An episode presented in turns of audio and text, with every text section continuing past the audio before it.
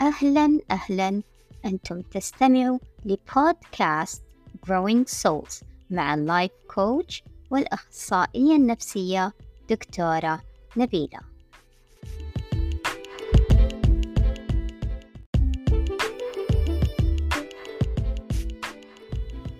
تذكروا كتاب مئة عام من العزلة؟ كتاب لجابرييل غارسيا ماركيز.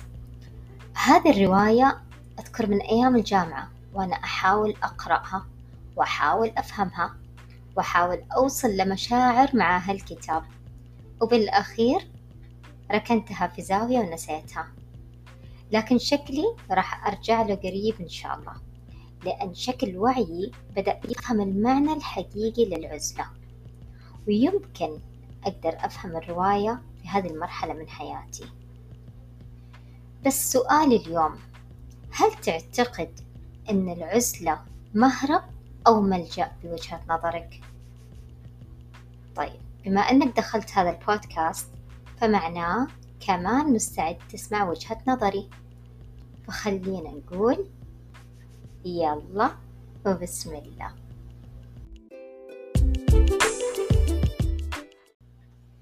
كثير مننا عنده نفور من حكاية العزلة والبقاء وحيد أبدا مش فكرة جذابة. بالعكس كمان بالنسبة لأشخاص كثيرة بيعتبروه شيء مخيف وتلاقيهم إذا كانوا لوحدهم ما يبغوا يجلسوا يفكروا ويشوفوا أن البقاء وحيد شيء مرة ممل ولازم يترك التلفزيون مفتوح أو سماعات بأذنه وقت ما يكون يشتغل لوحده.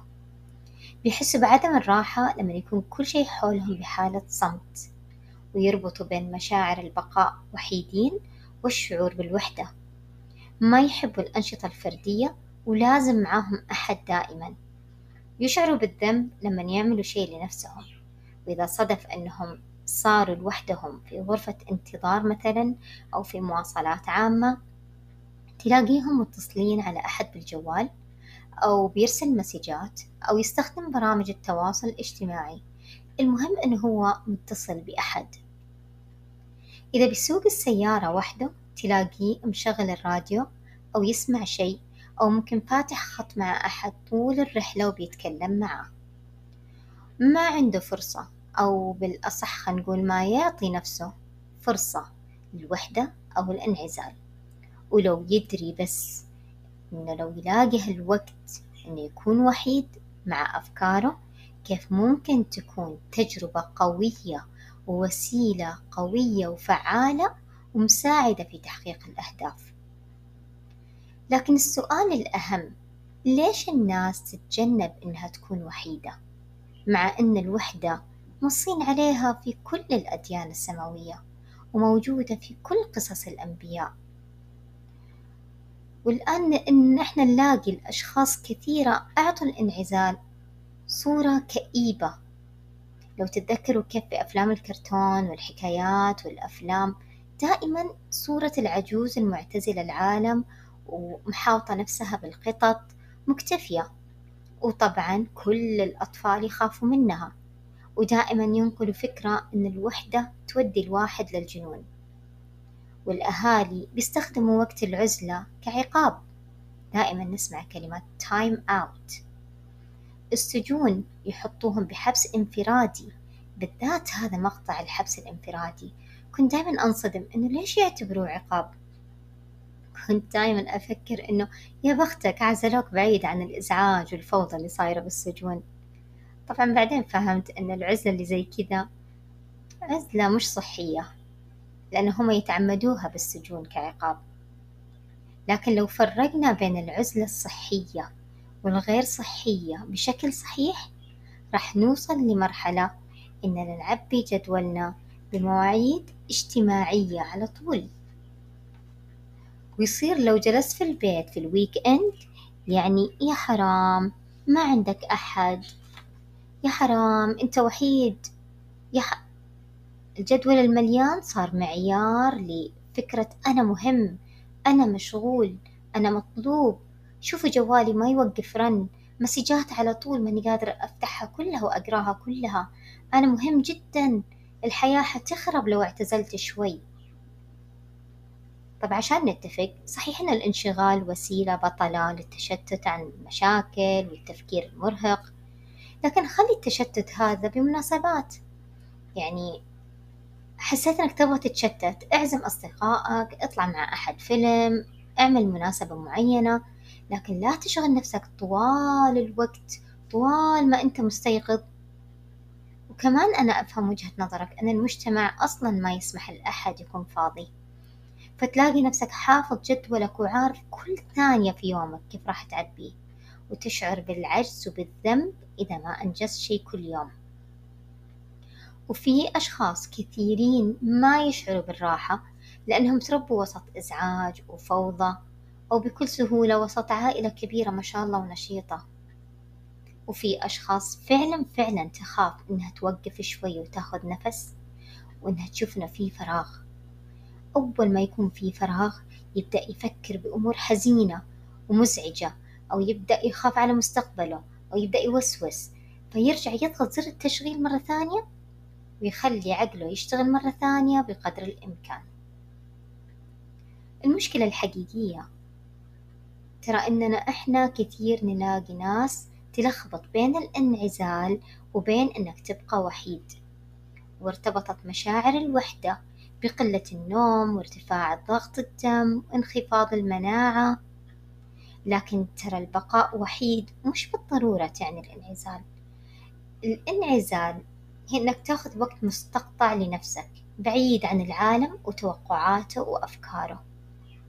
والوحدة إنك تكون وسط ناس لكنك ما تشعر بالانتماء. ترى البقاء لوحدك أكيد لها فوائد وبتعطيك فرصة إنك تعمل عصف ذهني بهدوء. وطول عمر العصف الذهني كان جماعي لكن ممكن تعمله فردي. بس من خلال إذا أنت كتبت في إيش بتفكر وإيش في خاطرك من حلول مقترحة لمشكلة معينة واضحة ومحددة. هنا بتكون أفكارك غير مقيدة. بعد كذا بتدون قائمة بالأفكار اللي أنت خرجت فيها مع ضرورة مراجعتها وقراءتها علشان تطلع معاك أفكار جديدة نتيجة لهذا النقد الذاتي. بعد كذا بتحدد وبتختار أفضل الأفكار لحل المشكلة. إذا عملت كل هذه الأشياء بطريقة صحيحة فبالتالي راح تزيد إنتاجيتك بالعمل. الإنسان اللي بيقضي وقته وحيد يصير يشوف العالم من جانب مختلف. يظهر الرحمة والشفقة للناس اللي حوله. لأنه طول ما هو بالعمل فجالس يركز على دائرة العمل. وطول ما هو ما بين زملائه فدائما بيفكر بكلمة نحن وهم وهذا وهذه الناس اللي حوله في دائرته. فمعناه حتى محيطه أساسا ضيق. لكن لما بيشتغل من بعيد بيبدأ يشوف الناس خارج الدائرة تظهر عنده الرحمة والشفقة. قضاءك لوقتك لوحدك بيزيد عندك الإبداع. يعني شوف الفنانين الموسيقيين المؤلفين الكتاب. الوحدة حسنت أدائهم أعطتهم فرصة أنهم يفكروا بأفكارهم هم لوحدهم يستخدموا مراجعهم لوحدهم. الانعزال بيعطي مجال للصحة العقلية لكن اعتزل بتوازن.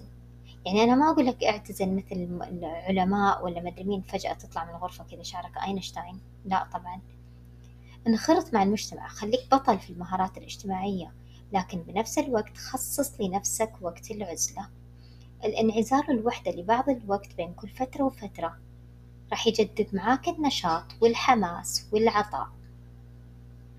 اتدرب على احتمال الصمت وكيف ممكن أنا أتحمل إني أجلس صامت وأتحمل الصمت حولي. أوجد زر الميوت في الإزعاج اللي حولك. اكتم شوي العالم من حولك. واستمتع بالصمت. كيف؟ أنا أقول لك كيف. تأمل أهدافك. فكر بالتحديات اللي أنت لازم تعملها. انتبه لمشاعرك وحبك لنفسك واهتمامك بنفسك. حدد أهدافك بهدوء وبتركيز. دون يومياتك افهم نفسك أكثر وتصالح معها.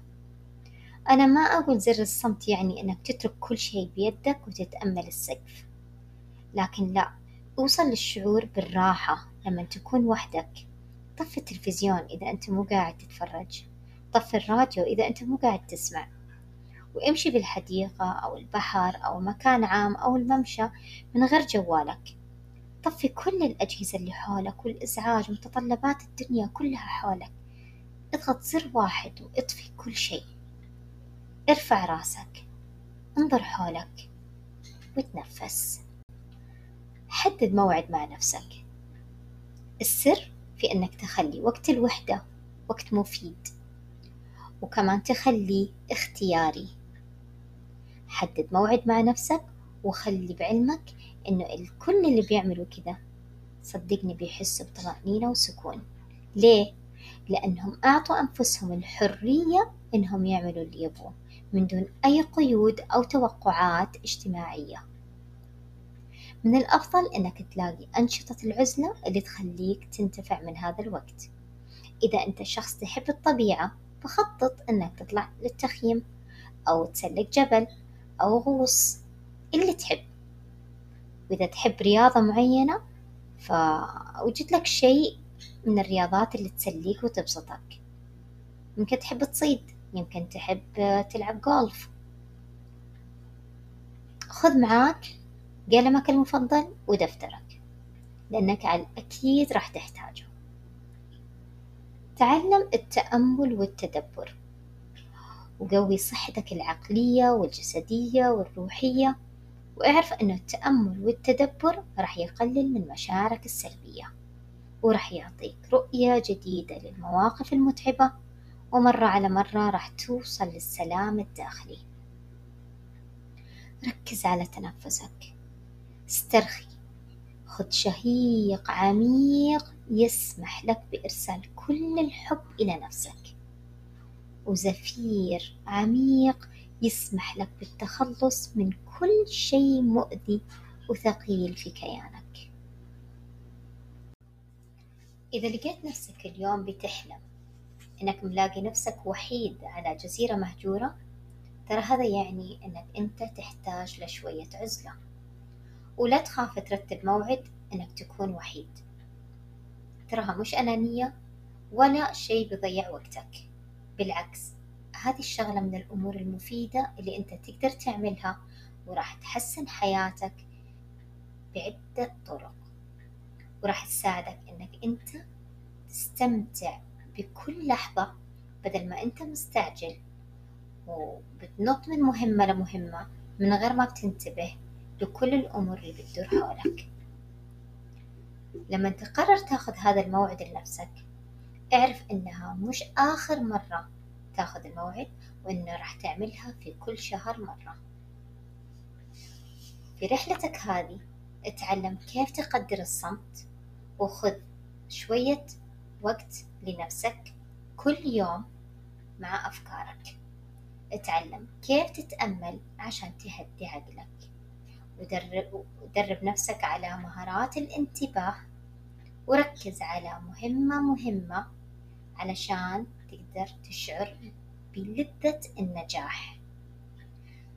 اكتب يومياتك عشان تفهم مشاعرك وتتصالح مع نفسك. فكر في تقدمك وأهدافك يوميا. استغنى عن أي إزعاج موجود في الخلفية. ولا تعطيه أي بال. بالأخير بالأخير هل تشوف الإنعزال ملجأ أو مهرب؟ شكرا لوقتكم واستماعكم. أتمنى لكم ولنا علم نافع وصحة نفسية هادئة.